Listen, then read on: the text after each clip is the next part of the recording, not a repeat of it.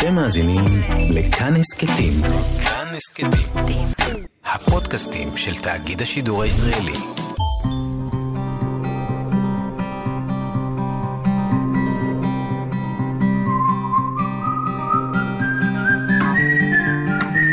אחת פלוס חמש. אורחים וספרים עם ענת שרון בלייס. כי נגיד הבת שלי אמרה לי פעם, כשהייתה יותר קטנה, איך את מתביישת שכולם רואים? למה את שחקנית? כולם רואים, את לא מתביישת?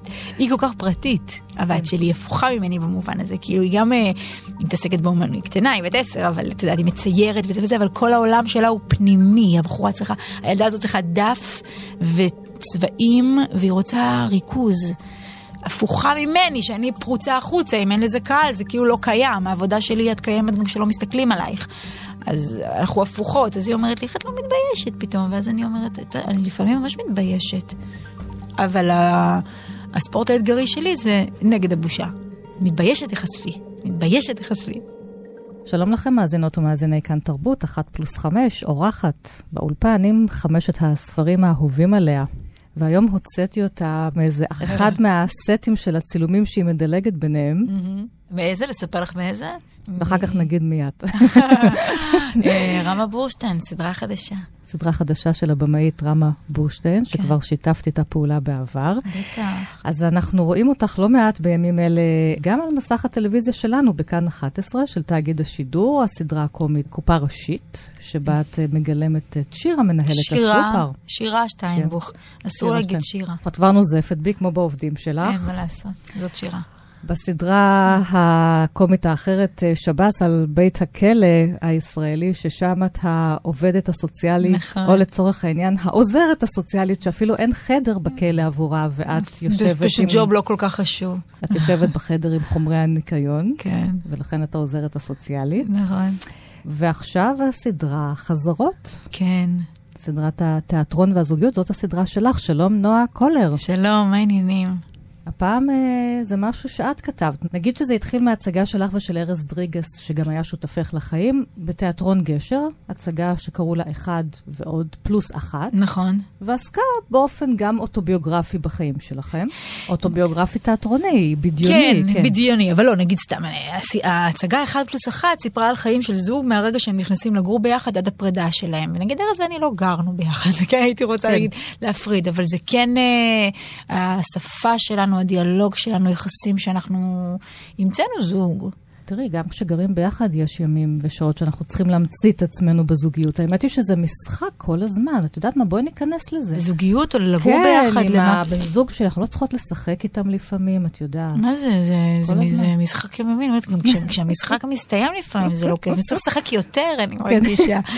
בטח, כל הטריק הזה של לחיות בזוג, נכון. אני מרגישה שזה מצולם כל הזמן, זה כמו ניסוי. נישואים כניסוי, אנחנו נרחיב על זה, כי גם זה הספרים שהבאת לפה היום מהטקסטים. כן.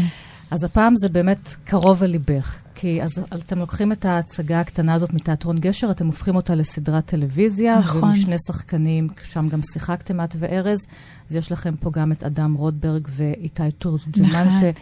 שביחד איתכם מגלמים את הזוגיות, וגם את מאחורי הקלעים של עולם התיאטרון, נכון. עם כל הפוליטיקה הארגונית שיש בתוך האומנות. וגם אסף אמיר מצטרף אליכם נכון היצירה מאוד, הזאת כן. שעוברת אל הטלוויזיה. כן.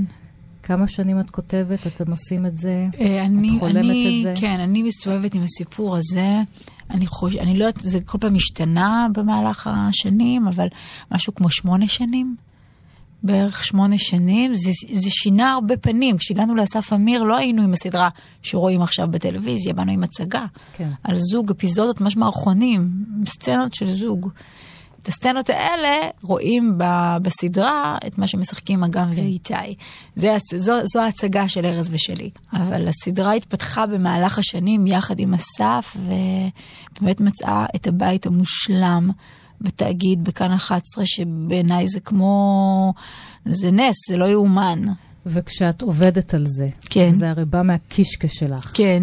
ואנחנו רואים הרי בסדרה מה קורה, איך לוקחים את הקישקע שלך ואומרים לך, טוב, אבל זה גם במציאות קרה, אמרו לך, תתפשרי פה, תעשי ככה. בטח, בטח. עכשיו, הדבר הזה של לעשות יצירה משותפת, את יודעת, זה כמו ללד, זה כמו תינוק. יש דבר כזה כשאת נהיית מלא אימא לאימא, נכון? זה השינוי הגדול, אני מרגישה. לא מילד אחד לשניים, כן. אלא מ... לא אימא מלא לאימא. אימא לאימא. כן. ואני זוכרת שכשילדתי את זוהר, הבת הגדולה שלי, פתאום היו הצפות של תחושות חדשות שלא חשבתי שאני ארגיש אי פעם. ופתאום למשל, אני לא יודעת, הזדהו איתי אנשים, אולי נשים שמכירות את המצב הזה, שפתאום את רואה את, את הבן זוג שלך באיזה אור, את אומרת, יו, הוא לא אומר בול מה שאני חושבת שצריך להגיד. הוא לא מדויק באיך שהוא מדבר אליה. מי זה? נפלתי בפח? התחתנתי עם גבר לא נכון? אה, אני יודעת איך עושים את זה. אני יודעת איך מתנהגים איתה. וחלק מהדבר הזה של כאילו, אני אומרת, קחי אוויר, קחי אוויר, לא התבלבלת, לא התבלבלת, זה הבחור. את והוא, אתם לא אותו אחד. הוא יגיד לה דברים אחרים, ואת תגידי לה דברים אחרים. לא טעית לחלוטין, יש לה אבא ויש לה אימא. אז אני מרגישה אותו דבר עם היצירה שאני אומרת, לא הכל את יודעת, נועה. לא בדיוק מה שאת חושבת זה מה שיהיה. אבל את חייבת את לחלוק. צעד אחד קדימה. פה למה? בבית יש לך גבר אחד, פה יש לך שני גברים. למה שניים? אה, אסף וארז. וארז. נורא, נורא. זה יותר מדי.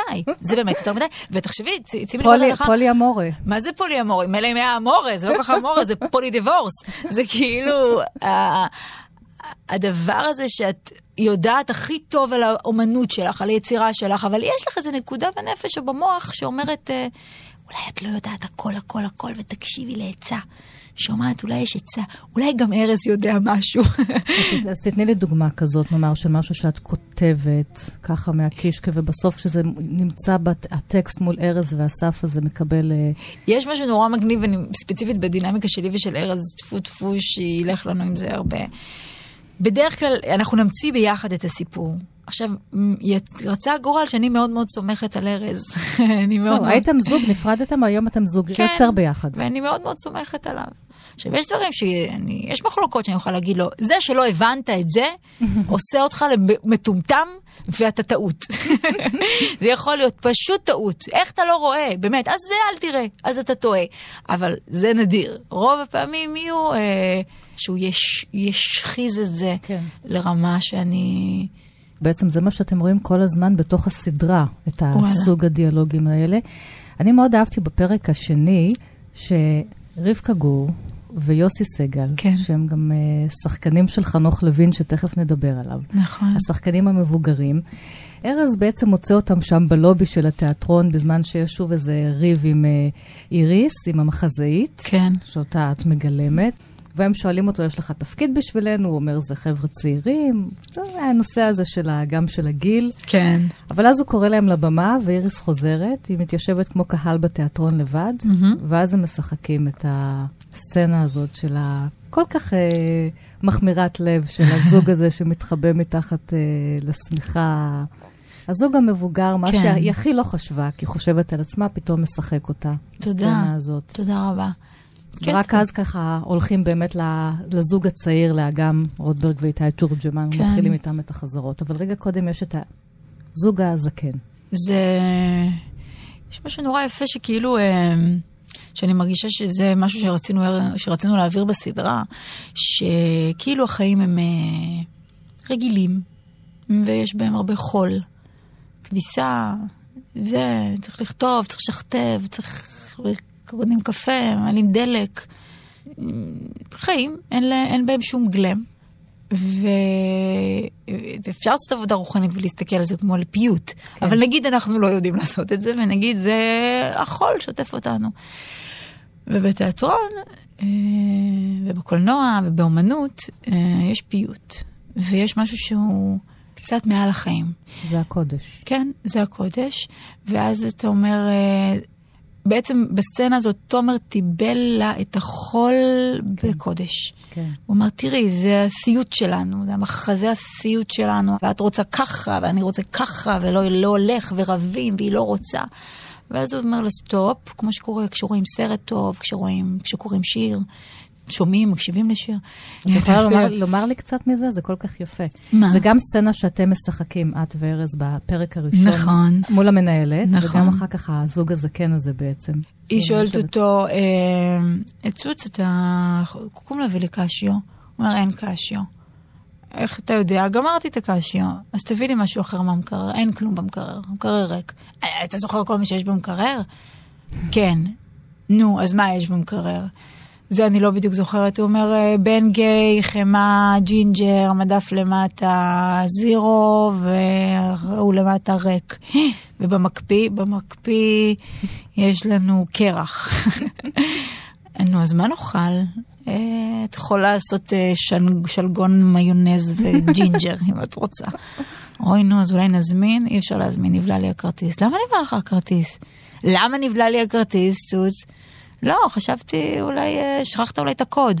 לא, זכרתי טוב מאוד את הקוד, שכחתי שאין שם כסף. יא, אז מה נאכל? מה נעשה?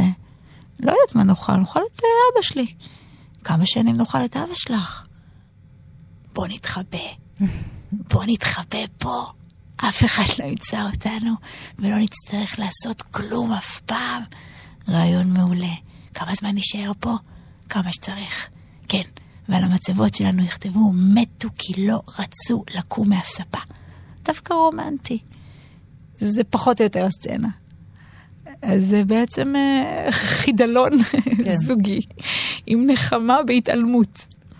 אבל מה שמנחם בסצנה הזאת זה שהם ביחד. כי אחר כך, אה, בסוף הפרק הראשון יש נטישה. תומר, כשאותו כן. מגלם ארז, אה, מחליט ש... לנטוש. ובאותו רגע הם גם מקבלים את הטלפון מהתיאטרון שהמחזה שלהם מתקבל ושיגיעו מיד לעבודה. נכון. אבל הוא למטה ברחוב, רוצה לנטוש. כן. זה יוביל אותנו לספר הראשון שבחרת. יאללה, בטח. ימי נטישה של אלנה פרנטה. Mm-hmm. זה אחד הספרים הכי יפים שלה. תבינו שהיא כתבה כמה וכמה ספרים מקסימים לפני שראה... נכון. ראתה אור הסדרה הזאת של הרומנים הנפוליטנים.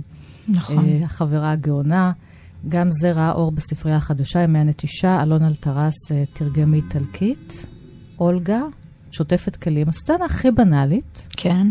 והבעל שלה מודיע לה שהוא עוזב אותה. Mm-hmm. אני חושבת שמה ש... סתם, זה כזה סוד, בטח כל השחקניות חושבות את זה, אבל נגיד, אה, כשיהיה לי כוח נפשי, זה תפקיד שהייתי נורא רוצה לשחק. את אולגה. כן, אין לי כוח עכשיו לחשוב על לשחק את זה בכלל, מעייף אותי, המחשבה מעייפת אותי. אבל אה, לא כי אני עצלה, אלא כי זה מבקש אה, לצלול לתאומות. נכון, תאומות. לתאומות נפש. צריך כל מיני תקופות בחיים בשביל להסכים. נגיד והיו עושים עכשיו פיצ'ר של ימי נטישה, ואני הייתי משחקת את התפקיד, הייתי צריכה להודיע בבית שאני נעדרת לתקופה. כי אני הולכת לדיכאון. כי זה מה שקורה פה. כן. הוא נוטש אותה, ואז היא בעצם נוטשת את עצמה. Mm-hmm. לגמרי. יש ילדים והכול לגמרי, פשוט... שמיטה, שמיטה מוחלטת. שמיטה מוחלטת. והתיאור, ומה שנורא נורא יפה בספר זה בעיניי זה שזה התיאור, התיאור המושלם, המושלם בעיניי של כניסה לדיכאון ויציאה ממנו. והרי היא מגיעה, ורנטה יש לה את הדבר הזה גם בחברה הגאונה, גם פה בכלל, של תיאורים של, של דיכאון כל כך... אה, וואו, הם כל כך פשוטים, מדויקים, חדים, נטולי חמלה, אבל לא אגרסיביים, הם לא, הם לא אה, פרובוקטיביים, היא לא עושה פורנו דיכאון, פשוט נותנת את זה. ו, ו, וזה כואב, זה שובר את הלב לקרוא את הדבר הזה, לראות אישה פשוט, פשוט אה, שומטת. הרי יש לנו את הדבר הזה שיש אחיזות בראש. אתה אומר, יואו, איך בא לי, אני זוכרת עצמי. אה, ממש בתפר שלפני שנהייתי אימא, אמ, אחרי אודישן לא מוצלח. אז יש רצון אז לבכות. להתחבא מתחת לשמיכה. להתחבא, ול, וממש, ולהיעלם, ולהיות מסכנה נורא, הרבה זמן. הרבה זמן להיות מסכנה ולהגיד, אני מחוללת, אני מחוללת, הם ראו אותי ולא הצלחתי, ואני לא טובה. ואז נהייתי אימא, וחזרתי אחרי אודישן מחולל ולא מוצלח הביתה, ואמרתי, אני רוצה עכשיו להיכנס למיטה ולהיות מחוללת ו- ובוכייה ובקורבנות מאה. אבל אני לא יכולה, כי יש שם ילדה. נכון. אוף. אוף, אנחנו צריכות לתפקד. אוף, את צריכה להיות אימא שלה עכשיו. ואז קרה, במקרה שלי, תודה לאל, קרה נס שאמרתי, בעצם מה היא מנעה ממך? להיות מסכנה במיטה? יא טומטום, תעיפי את זה, איך תשחקי בלגו? ותסתכלי על הילדה הזאת. והיא חסכה לך את, הש... את ה... לשכב במיטה עכשיו כמו מסכנה ולהרגיש אומללה. היא אומרת לך, שחררי, סוויץ', נגמר, אני עוזרת לך להעיף את זה. אז כל הזמן, אבל הנפש שלנו, אני מרגישה, משחקת את המשחק הזה, בטח כשאת אימא. זאת אומרת, אני יכולה, לבט... אני יכולה לשחרר ולוותר ולהתקרבן ולהתמסר לכאב, ואני יכולה לחלץ את עצמי החוצה. ולפעמים, כמו בימי נטישה, הצעקה של הכאב היא פשוט גדולה יותר. תקראי קצת את מה שאת מה אוהבת. מה נקריא? מהצעקה הזאת של הכאב שאת מדברת עליה. הלילות והימים הבאים עברו עליי בהרהורים. חשתי שאני עסוקה בשתי חזיתות. היה עליי לשמור על יציבותה של המציאות העובדתית, ולבלום את זרימת המחשבות והמראות המנטליים, ובו בזמן היה עליי לעזור כוחות ולדמיין את עצמי כסלמנדרה המסוגלת לעבור באש בלי לחוש כאב. אל תיכנעי. דרבנתי את עצמי, תיאבקי. חששתי בעיקר מאי היכולת ההולכת וגוברת שלי לדבוק במחשבה אחת, להתרכז בפעולה הכרחית. הפחידו אותי התפניות החדות הלא נשלטות. מריו, כתבתי כדי לנסוך פי אומץ, לא לקח עמו את העולם, הוא לקח רק את עצמו. והרי את אינך אישה מלפני 30 שנה, את של הזמן הזה, יחזי בזמן הזה, אל תיסוגי, אל תלכי לאיבוד, החזיקי בעצמך חזק. מעל הכל זנחי את המונולוגים הבטלניים או המשמיצים או הנזעמים, בטלי את סימני הקריאה, הוא הלך, את נשארת. לא תהני יותר מברק עיניו, ממילותיו, אז מה? ארגני את ההגנ... ההגנות, שמרי על שלמותך. אל תתני לעצמך להישבר כמו חפץ לקישוט בסלון. את לא קישוט, שום אישה אינה קישוט. על הזין שלי היא שבורה. המשימה שלי, חשבתי, היא להוכיח שאפשר להישאר, היא להוכיח שאפשר להיש... להישאר בריאה. להוכיח לעצמי, לא לאף אחד אחר.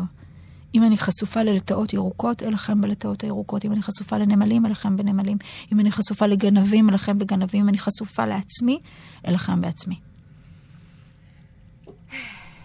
איזה טקסט משוגע. אני מתה מזה. אתם לא רואים את העיניים של נועה עכשיו, זהו. וכשקראתי ימי הנטישה, אז גם חשבתי על הסרט של רמה בורשטיין, לעבור את הקיר, הסרט שבו את מגלמת את מיכל. החתונה מוכנה, והחתן נוטש רגע חתן. לפני. ואז הסרט הוא לצאת לחפש חתן כשיש אולם ויש שמלה. יש. הכל, אין חתן. גם שם יש נטישה, תראי איך כל החומרים. כן.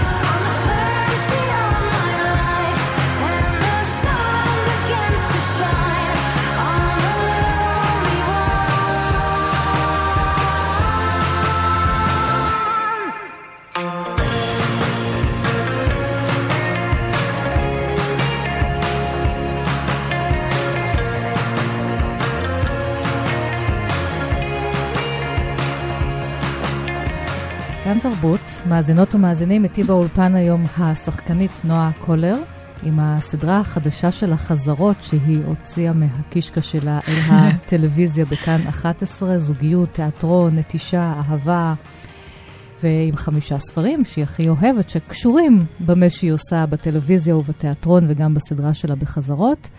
חנוך לוין עכשיו, בטח.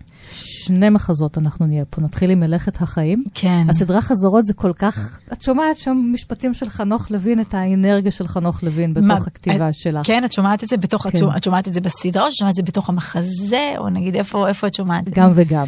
גם כן? וגם, כן. את שומעת שהוא ככה זוחל מתחת, וזה נהדר. זאת אומרת, בטח. אני אוהבת את, ה, את ההתכתבויות האלה, אני אוהבת שיוצרים יושבים וכותבים על uh, באר, על שכבה, שיש משהו מתחת. בטח. כן, כן, אני גם כן. יודעת גם... אז מלאכת. החיים בטוח נמצא שם. אני חייבת להגיד לך שכאילו פעם, אה, לכל, אה, פרק בסדרה חזרות היה שם של מחזה. אני יכולה להגיד לך את השמות של כל הפרקים בבקשה. של המחזות. פרק אחד קראו לו מלאכת החיים. פרק שתיים קראו לו אופרה בגרוש. ברכט. ברכט. ופרק שלוש נקרא אה, הבט אחורה בזעם של אוסבורן. ופרק ארבע קראו לו אה, מסע ארוך לתוך הלילה, יוג'ין אוניל. ופרק חמש, פרק חמש זה מידה כנגד מידה, זה הנקמנות, שייקספיר. ופרק חמש, פרק שש, רוויזור, יש שם ביקור של, אה, רוויזור של גוגול, ביקור, שיש שם ביקור של, אה, של מישהו שמגיע מה... אני לא רוצה לעשות ספוילר, אבל מגיע מפקח. כמו ברוויזור, כמו ב... וזה אה, השתנה, שמות כן, נשרו. זה, אז השמות נשרו. כי אמרו לנו שזה מעורר אנטיגוניזם אולי, או, או מתנשא, או מלחיץ, או נתלה באילנות גבוהים מדי, עם כל הכבוד אגב, שזה גם. טקסטים שנמצאים בתוך השיח נכון. בתיאטרון עם המנהלת. טוב, ב- זה בוא נעשה משהו קליל, כי זה מכניס כסף. בדיוק. והשם נתן לי ולארז, זה לא שאנחנו יודעים לכתוב את המחזה, ממש לא, אבל נתן לי ולארז איזושהי אה, קריאת כיוון. והפרק הראשון הוא מלאכת החיים. ובמלאכת החיים, המחזה שאני כל כך אוהבת, יונה קם באמצע הלילה, ועוזב. הופך. קודם הוא הופך את אשתו, הוא מעיף- כמו איזה מעיף- שקית זבל, מעיף אותה מהמיטה את לביבה, כן. מודיע לה שהוא עוזב. כן. זוג אה, זקן. כן. הוא יש לו עוד חלומות להתחיל את החיים מחדש. יונה חושב שהוא מישהו. כן. מעז לחשוב שהוא מישהו. והפרק הראשון שלי ושל ארז מתבסס גם על... אה, הוא הפך לה את המיטה. כן. יש לנו כל מיני דרכים לעשות את זה, אבל הוא עושה אותו דבר. אה, אני אקריא את המונולוג של יונה? כן? פרק ראשון, לילה, יונה ולביבה במיטה, לביבה ישנה ויונה ער. יונה אומר לקהל, אני אדם אבוד, זו אמת שלא אוכל להתחמק ממנה, אני אבוד. איך זה קרה שהייתי ילד וכל העולם היה פרוס לפניי, ואיך הכל התמסמס, נשמט מבין האצבעות? כל אלה שאלות שחוקות עם תשובות שחוקות. רק הכאב שלי לא שחוק בכלל, הוא חי, הוא טרי, הוא פה. איך אוכל לומר, כאב לב יקר, כבר היו דברים מעולם, אנשים חיו ומתו, וכולם בדרך זו או אחרת החמיצו. אני לא המצאתי לא את מפח הנפש ולא את הייאוש. אנא בטובך כאב לב יקר, שכח.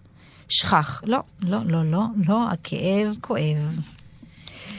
כשכואב לי זה הרי כאילו הייתי הראשון עלי אדמות שכואב לו, כאילו יחידי ביקום שהוא צועק, חלפו החיים של יונה פופוך, החיים של יונה פופוך חלפו. הוא מתחיל לבכות, מבליג מיד, לא, לא ככה יונה.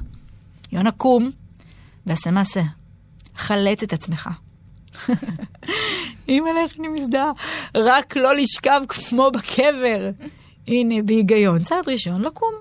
לצאת מהמיטה, לנקות אותה, לנער הכל. לנער הכל. הרבה פגרים נערמו על המיטה הזאת, 30 שנות זבל.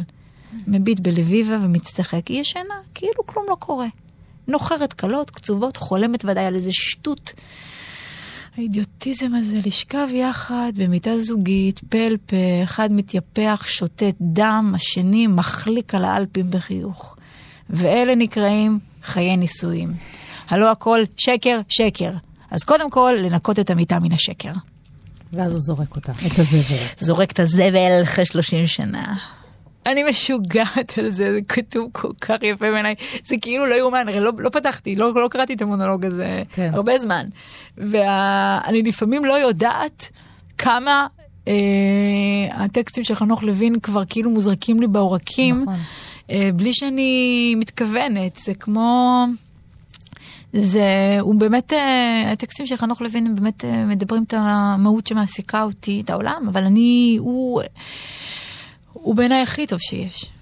מלאכת החיים זה גם איזה מין טקסט שאני חושבת שנמצא שם, אפילו בתוך המחזות הפוליטיים הראשונים, הסאטירות הפוליטיות הראשונות שלו. כן. זה כמו איזה אבן הראשה אולי, בתוך ה...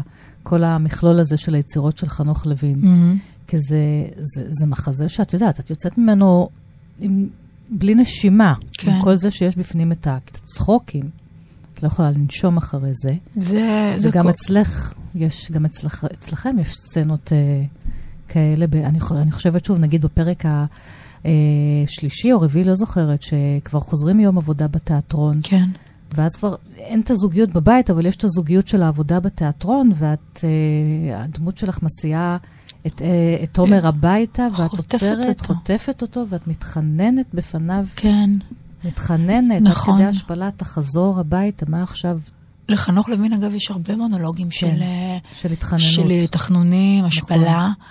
הוא- האישה, אהה. זה אה, קורע לב. את יודעת, גם כשכתבנו את זה, חשבתי, אמרתי לארז, תקשיב, אני איריס מאוד מאוד מאוד מאוד פתטית, היא מאוד פתטית. ואז אמרתי, אין מצב שאני בורחת מהנקודה הזאת. כן, אין. אין, זה יהיה לא לספר, זה יהיה- כי כל אישה עשתה את זה, וגם יש גברים שעשו את זה. בטח, בטח, זה מלחמה תמיד היה של- לנו איזה בן זוג או בת זוג, שמולו עשינו את הקטע הזה, אל תעזוב אותי. כנראה, אני לא חותמת על זה, כנראה שיש בחיים לרוב בני אדם שיוורון לב אחד או שניים, שהם כאילו המעצבים של החיים, פיצוץ לראש.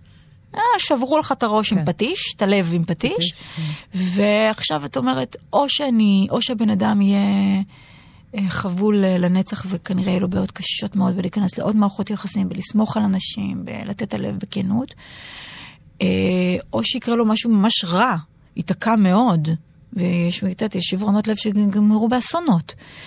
או שהוא יחולל את עצמו החוצה וייבנה לבן אדם המבוגר שהוא. והבן אדם המבוגר שהוא מכיר בכאב, זה כמו המזוודה הזאת שאתה בא איתה לקשר הבא. כן. לפעמים אני מדמיינת זוג כזה נפגש, זוג בני 40 נגיד נפגשים, והם פותחים, נגיד הם היו יכולים לפתוח את המזוודות, או לקחת את אחד השני לסיור בהיסטוריה. אומרים לי, תראה, הוא פוצץ לי את הלב, בגלל זה לנצח אני לא אוכל להיות שלך עד הסוף, אבל, אבל אני אוכל לתת לך המון, המון, אבל אני לא אוכל לתת לך הכל. כי פעם נתתי הכל, ועדיין אין לי את היכולת לקחת את הכל, כמו שאין לי את היכולת... להתרגש מהאס.אם.אס שלך עד זוב דם. אני כבר יודעת משהו על החיים, זה יקהה איזשהו חוש. אבל אני יכולה משהו אחר, או לדעת משהו אחר על אהבה, איך אנחנו... יש אנשים שלא, יש, וזה מתאפס גם, ואתה אומר, יואו, אני בוערת כמו בת 16, אני מתרגשת מה-אס.אם.אס, אני מחכה ל-אס.אם.אס. כי אני אומרת, מתי לאחרונה בעלי כתב לי אס.אם.אס שנטפתי ממנו, שאמרתי, הוא אומר שנגיד הוא כותב לי, את אוספת היום את איתמר. אז אני אומרת, תתנהגי כאילו, נגיד, זה אס.אם.אס שחיכית לו שלושה שבועות. וואו, את, וואו, איך הוא כתב לי, את אוספת, הוא אומר, את, כאילו, זה כיף, זה איכות כזאת שיש אותה כשנורא נורא מאוהבים, כשיש סמים קשים בגוף, אז... אה, ואני מרגישה ש... גם פה, כאילו מה שיונה אומר, אומר, אני לא מוותר על החיות, אני לא מוותר על החיות. לא רוצה, לא יקברו אותי בעודי חי. להיות מאוהב זה להיות חי. ואני, ואז אומרים לך, שומע, לא בטוח שלהיות מאוהב זה להיות חי. יכול להיות שלהיות מאוהב זה להיות מסטול ונרקומן. אולי דווקא טוב עם יונה, עם לביבה. אולי הבית שלך זה, זה שיא החלומות שלך. תתחיל לאהוב את הבית שלך. ובסוף הוא מת בתוך החלום. ולביבה מדברת על זה שיבוא סופר ויכתוב עליהם. זה מאוד יפה, נכון. הכתיבה הזאת בתוך כתיבה, והוא צועק מהמוות שלו, זה לא מעניין, והוא אומר, זה לא מעניין אף אחד." היא אומרת, אבל גם אני הייתי כן. פה. הוא רוצה להשאיר זיכרון, גם של השברון לב, הוא לא רוצה כלום, למחוק הכל. אני לא מאמינה שתוך כדי השיחה, אני פשוט, אני מתרגשת מהטקסטים האלה מחדש, שוב, כאילו אני ממש מודה לך שהזמנתי אותו. שהזמנת אותי ושככה החזרת אותי בחזרה לטקסטים האלה. אחת פלוס חמש. אורחים וספרים עם ענת שרון בלייס. ואנחנו הולכים למחזה אחר שלו, יאללה. יקיש ופופצ'ה, כן. ששם, או שאותו את שיחקת. אני, אני החלפתי שם את אה, אה, נטשה מנור, השחקנית המדהימה, וחברתי הטובה נטע שפיגלמן שיחקה את פופצ'ה, שעשתה... הבחורה המכוערת הענייה, כן, יקיש כן. הוא הבחור המכוער העני, כן, ואת שיחקת את אימא של אה, יקיש, נכון? נכון, נכון. הושפיש. נכון. תתחתן, תביא ילדים, בטח. זה המהות שלך בחיים. יש עניין ככה, יש את יקיש. יקיש אה, צריך להתחתן עם פופצ'ה. פופצ'ה לא יפה. בספר כתוב מכוערת. פופצ'ה מכוערת, והיא מיועדת ליקיש, ויקיש חושב שמגיע לו יותר. ופופצ'ה יודעת שהיא מכוערת, אבל כמו שרק חנוך לוין יודע לכתוב, היא אומרת, אם תקפלו אותי מהחו- מהפנים החוצה, תראו כמה יופי יש בי. ויקיש מסביר לה שזה מאוד יפה, אבל זה לא מדבר אל, ה... אל האיבר מין שלו. הוא אומר, זה לא מעניין הוא לא אותו." מתעורר. הוא לא מתעורר, הוא אני לא מצטער, מתעורר. עזבי, הוא- אי אפשר לסמוך עליו. וגם זה נורא נורא, אני אוהבת את ההפרדות אצל חנוך לוין, שהוא מפצל את האיברים. ומדבר עליהם כמו, את יודעת, עליהם, ספציפית על היצר, כמו, אני יודעת מה, ביעקבי וליידנטל, שבעצם כן. גבר רוצה להגיע ל- לישבן של אישה. כן. והוא אומר לה, סליחה, big טוחס. big טוחס. והוא אומר לה, סליחה, את הגברת של הישבן הזה? אני רוצה להגיע אליו. מה צריך לעשות כדי להגיע אליו? היא אומרת, לפטפט איתי.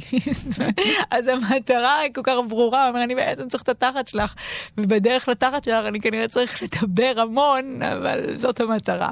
נורא אוהבת את ה...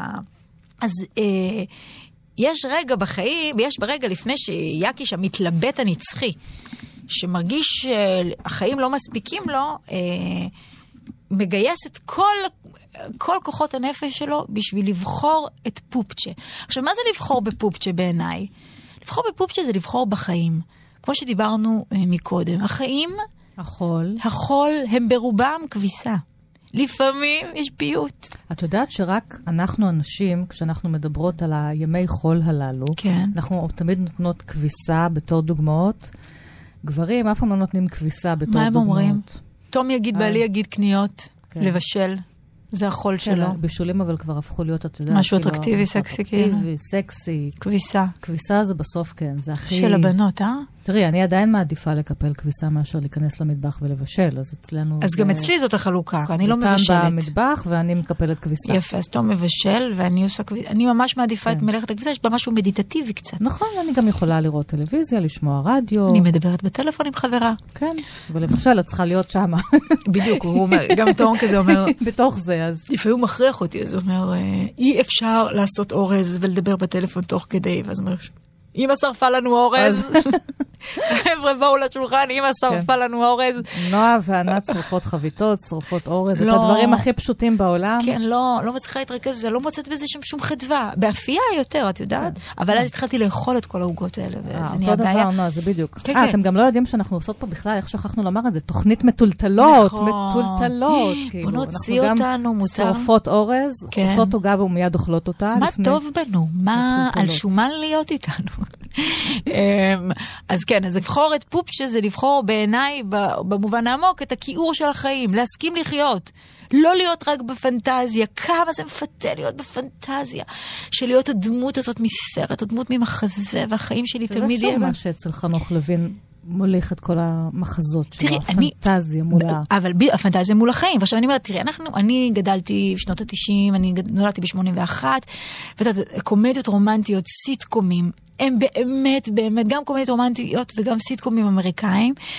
זה באמת, ודיסני, זה באמת באמת העיצוב של הנפש שלי, של, של, של כולנו, אני מרגישה של, של כל מי שגדל בתקופה הזאת. זה העיצוב. עכשיו, מה זה אומר סיטקום? המשפחה, סיטקום אמריקאי, המשפחה במצב מדהים. הם תמיד יודעים לדבר על מה שקרה להם. הם תמיד פותרים את זה. יש להם אוכל תמיד אה, טעים, ונקי אצלם, ו... ונורא רציתי ככה. ואני זוכרת אותי פעם, וההורים שלי הם הורים הם גרושים. הם התגרשו כשאני הייתי בת 19, כבר כאילו הרבה שנים יחסית. גם וזה- אצלי, בול. וואלה, אז זהו, אז גם שלי התגרשו, ואני זוכרת את עצמי כילדה, אני רציתי את הסיפור של הסיטקום. יש משהו בכאב הזה של לפוצץ לך את הסרט, שהוא... שהניצחון היחידי שיש לי עליו זה ההומור, ולהתאהב בחיים. להתאהב בחיים. וזה לבחור את פופצ'ה. אז אני רוצה ל- לקרוא מהמונולוג האחרון של יעקיש. פופצ'ה לרגע בפנטזיה שלו הופכת לנסיכה. והוא שואל אותה, נסיכה שלי, שמפיניה שנדיליה, מלאך עליון, כל חיי אני חושב, אולי יש לי אמביציה חזקה מדי? אולי אני מפליג יותר מדי על כנפי דמיון? אולי אני רוצה דברים שכלל לא מגיעים לטיפוס נקלה כמוני? אמרי לי רק שאני צודק. אמרי לי שאסור לי לשאוף ליותר מפופצ'ה.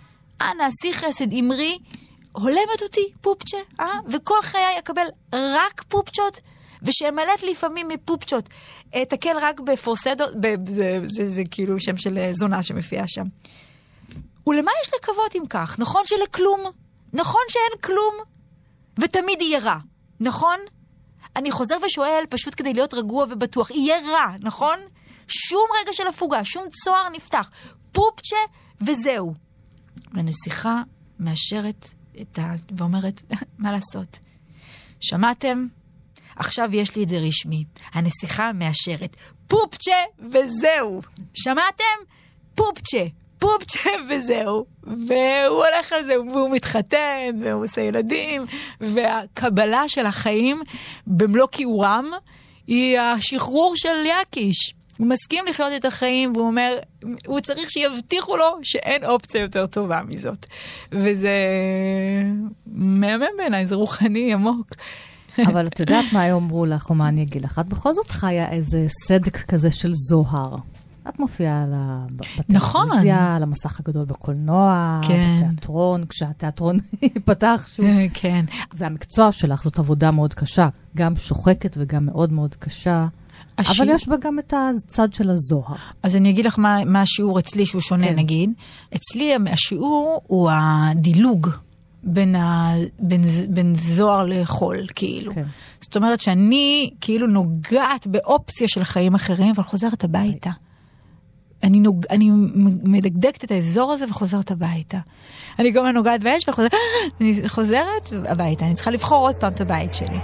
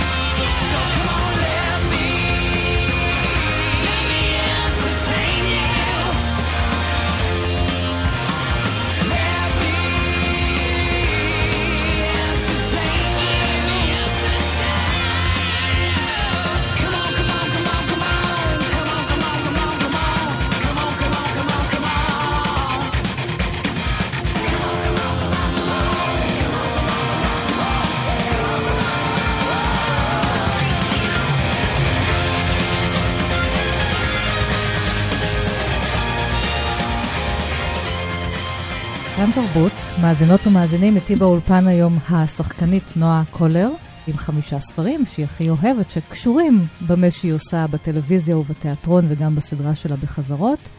הזכרת אש, אז זה יוביל אותנו לספר הרביעי שבחרת, הולכות לאזור אחר לחלוטין עכשיו, יאללה. תקווה, טרגדיה בסוגריים. כן. זה רומן של אה, הסופר האמריקאי היהודי שלום אוסלנדר. כן. תרגמה אותו מאנגלית יעל סלע שפירו, יצא בזמור הביטן, סלומון אה, קוגל. קוגל, כן. קוגל, קיגל. נשוי, יש לו אישה, יש לו בן, הוא קונה בית חדש. אה, רוצה שם אה, להשכיר איזה, את החדר של עליית הגג. נכון. ואז כשהוא עולה למעלה, הוא מוצא שם איזו אישה זקנה. כן. עם מכונת כתיבה, היא מודיעה לו שהיא אנה פרנק, היא עדיין במחבו. עדיין לגמרי. כותבת את היומן. אז היא משכתבת, היא משכתבת את הרומן, כי הרומן, כן. כמו שהוא יצא, היומנים כמו שהם יצאו, היו ילדותיים לדעתה, והיא רוצה לקבל, אה, שזה יהיה בוגר יותר. אז מה תפס אותך ברומן הקומי עם השואה ברקע הזה? כן, תראי, אני אה, דור שלישי, אימא שלי, סבתא שלי ניצולת שואה, ואני מרגישה שנגיד שאצלי בבית שואה זה דבר אה, חי. והיה אצלי בבית נגיד המון המון הומור, שחור שואה, המון המון. שואה זה דבר חי אצלי בבית, אמיתי. ויש אה, משהו שנורא תפס אותי שם, זה כשאנה פרנק הייתה אצלו בעליית הגג, נורא, והוא ספר שלם מנסה לגרש אותה מעליית הגג. ואימא שלו אומרת לו, איך יהודי יגרש את אנה פרנק? אנחנו נגרש את אנה פרנק. אנחנו, והוא אומר, אני חייב להעיף אותה. אני פשוט חייב להעיף אותה, היא הורסת לי את החיים. אבל אי אפשר לגרש את אנה פרנק מעליית הגג. ובסוף הזה, אני לא רוצה לעשות את זה, אבל כאילו אנה תנצח, חבר'ה, בספר אנה מנצחת. אנה לא תמות. טוב, ואנה היא גם הסופרת, היא הכותבת. היא הכל, היא אנה. והיא, היא, יש אש, היא תעבור דרך האש, היא לא תיגמר. כולם ימותו ואנה תישאר. אנה פרנק. ואז הדבר הזה של לגרש את אנה פרנק מעליית הגג, אני מרגישה שזה משהו שנגיד, אה, שהוא גם פסיכולוגי. האם אנחנו יכולים אה, ככה להניח לאנה פרנק בעליית הגג שלנו? או שזה מה שמגדיר אותנו, את עצם קיומנו? ותראי, אנה פרנק השואתית היא ממש דבר ספציפי. ל... להיפרד מזיכרון, מה זאת אומרת? להניח לנקמות שואה, כן. או להניח ל... ל...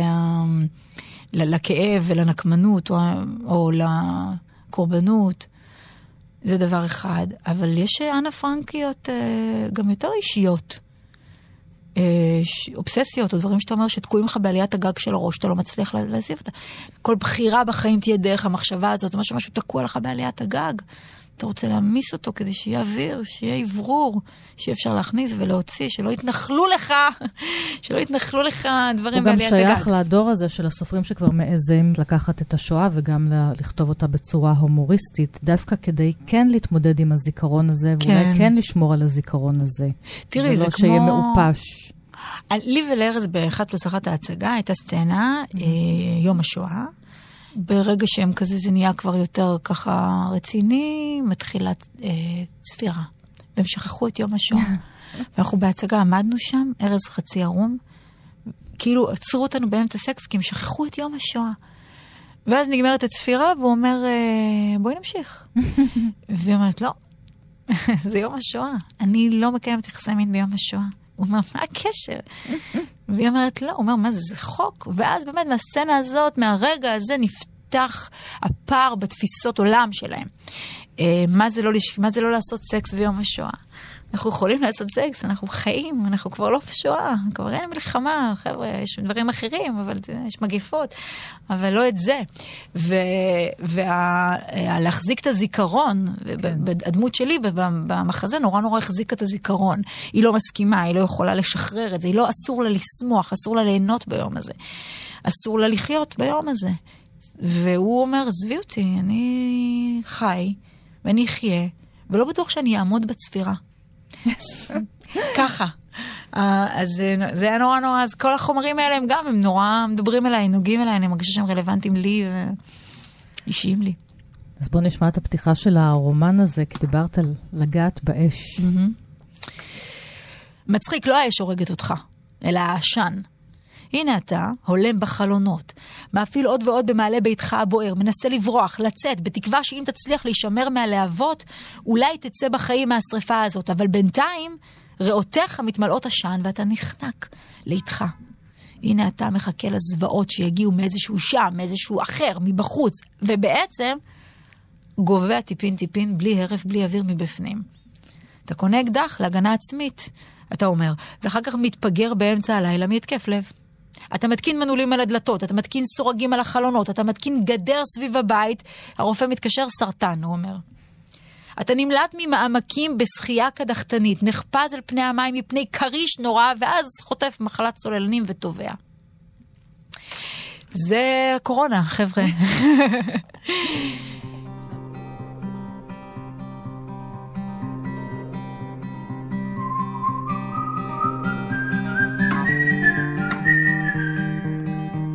ואנחנו מסיימות, הספר החמישי, ספר ששוב.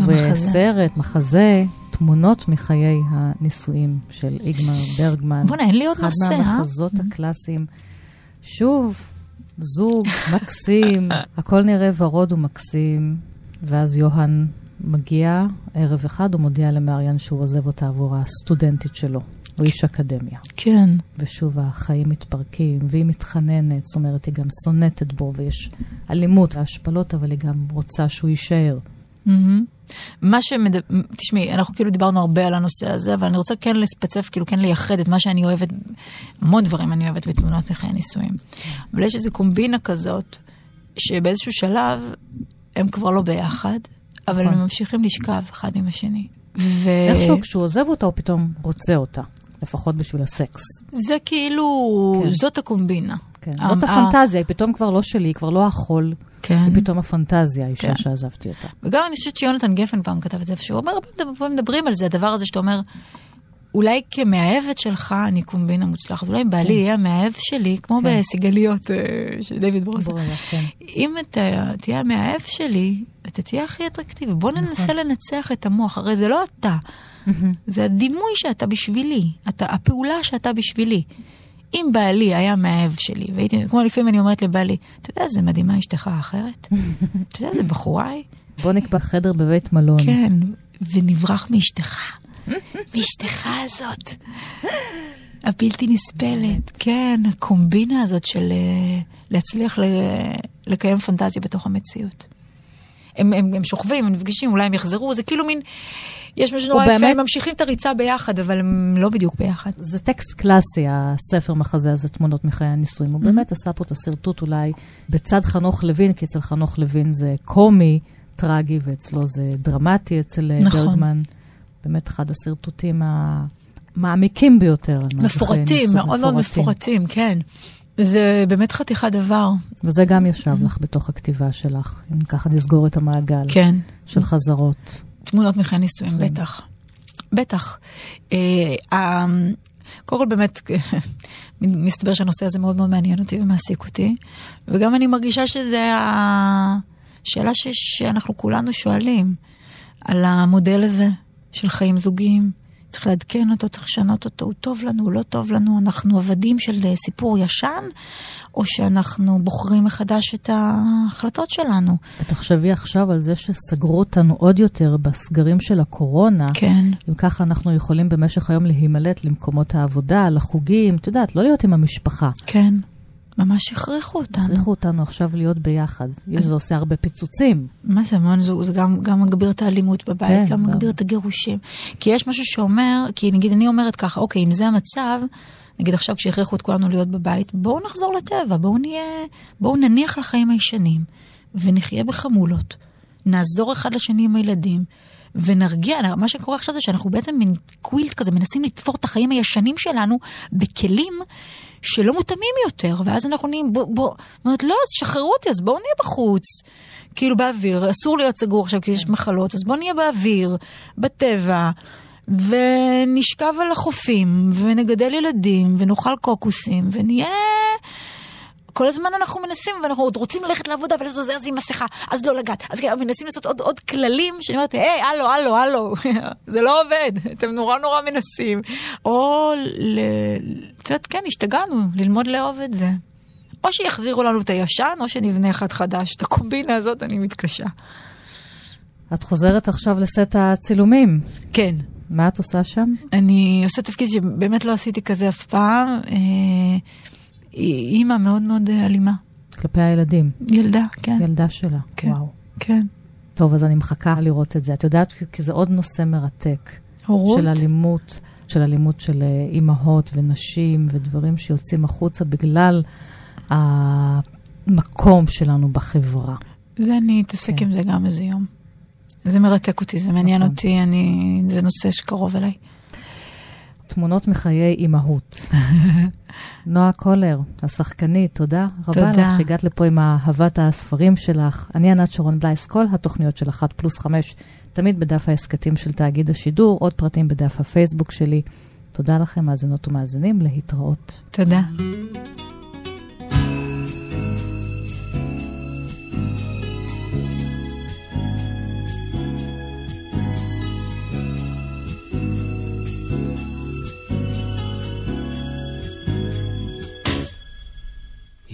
התחתנה והיא מאושרת למרות שבעלה היה מין שד ופרד כל הזמן מצוברח קבוע והוא אפילו לא אומר מדוע.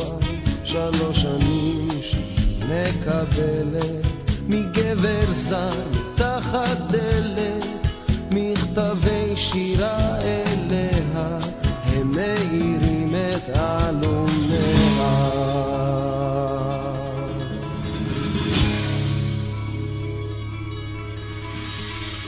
זה כותב לך ילדונת גלים מי שולח זר פרחים סגול כשהאביב פורח מבת שהיא בכל נובמבר בלי ברכה בלי שם או רמז שולח לך סיגליות בזר קשור בסרט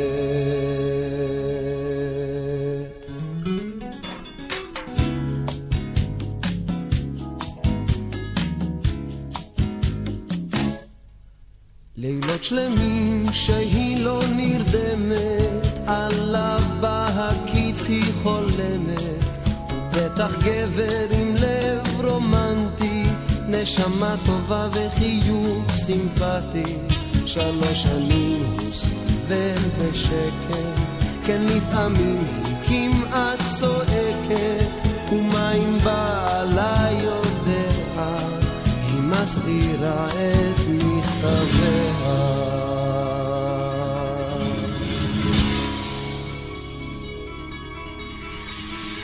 זה כותב לך ילדונת, גלים מי שולח? זה פרחים סגול כשהאביב פורח. מבת שהיא בכל נובמבר ברכה, בלי שם או רמז, שולח לך סיגליות בזר, קשור בסרט.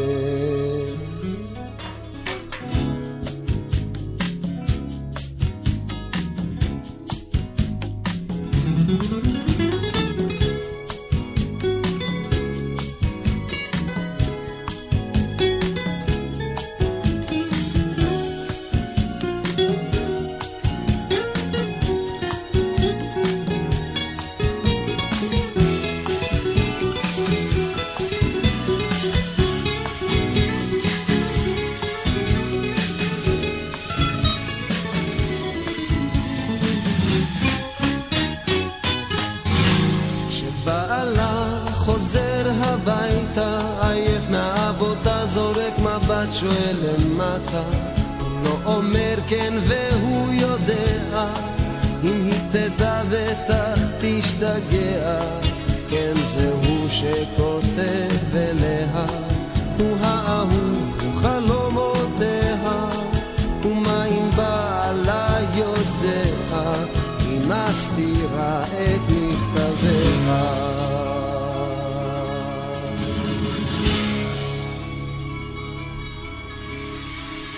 זה כותב לך ילדונת גלי מי שולח זר פרחים סגול כשהאביב פורח בתשיעי בכל נובמבר בלי ברכה בלי שם או רמז שולח לך סיגליות בזר קשור בסרט da, da, da.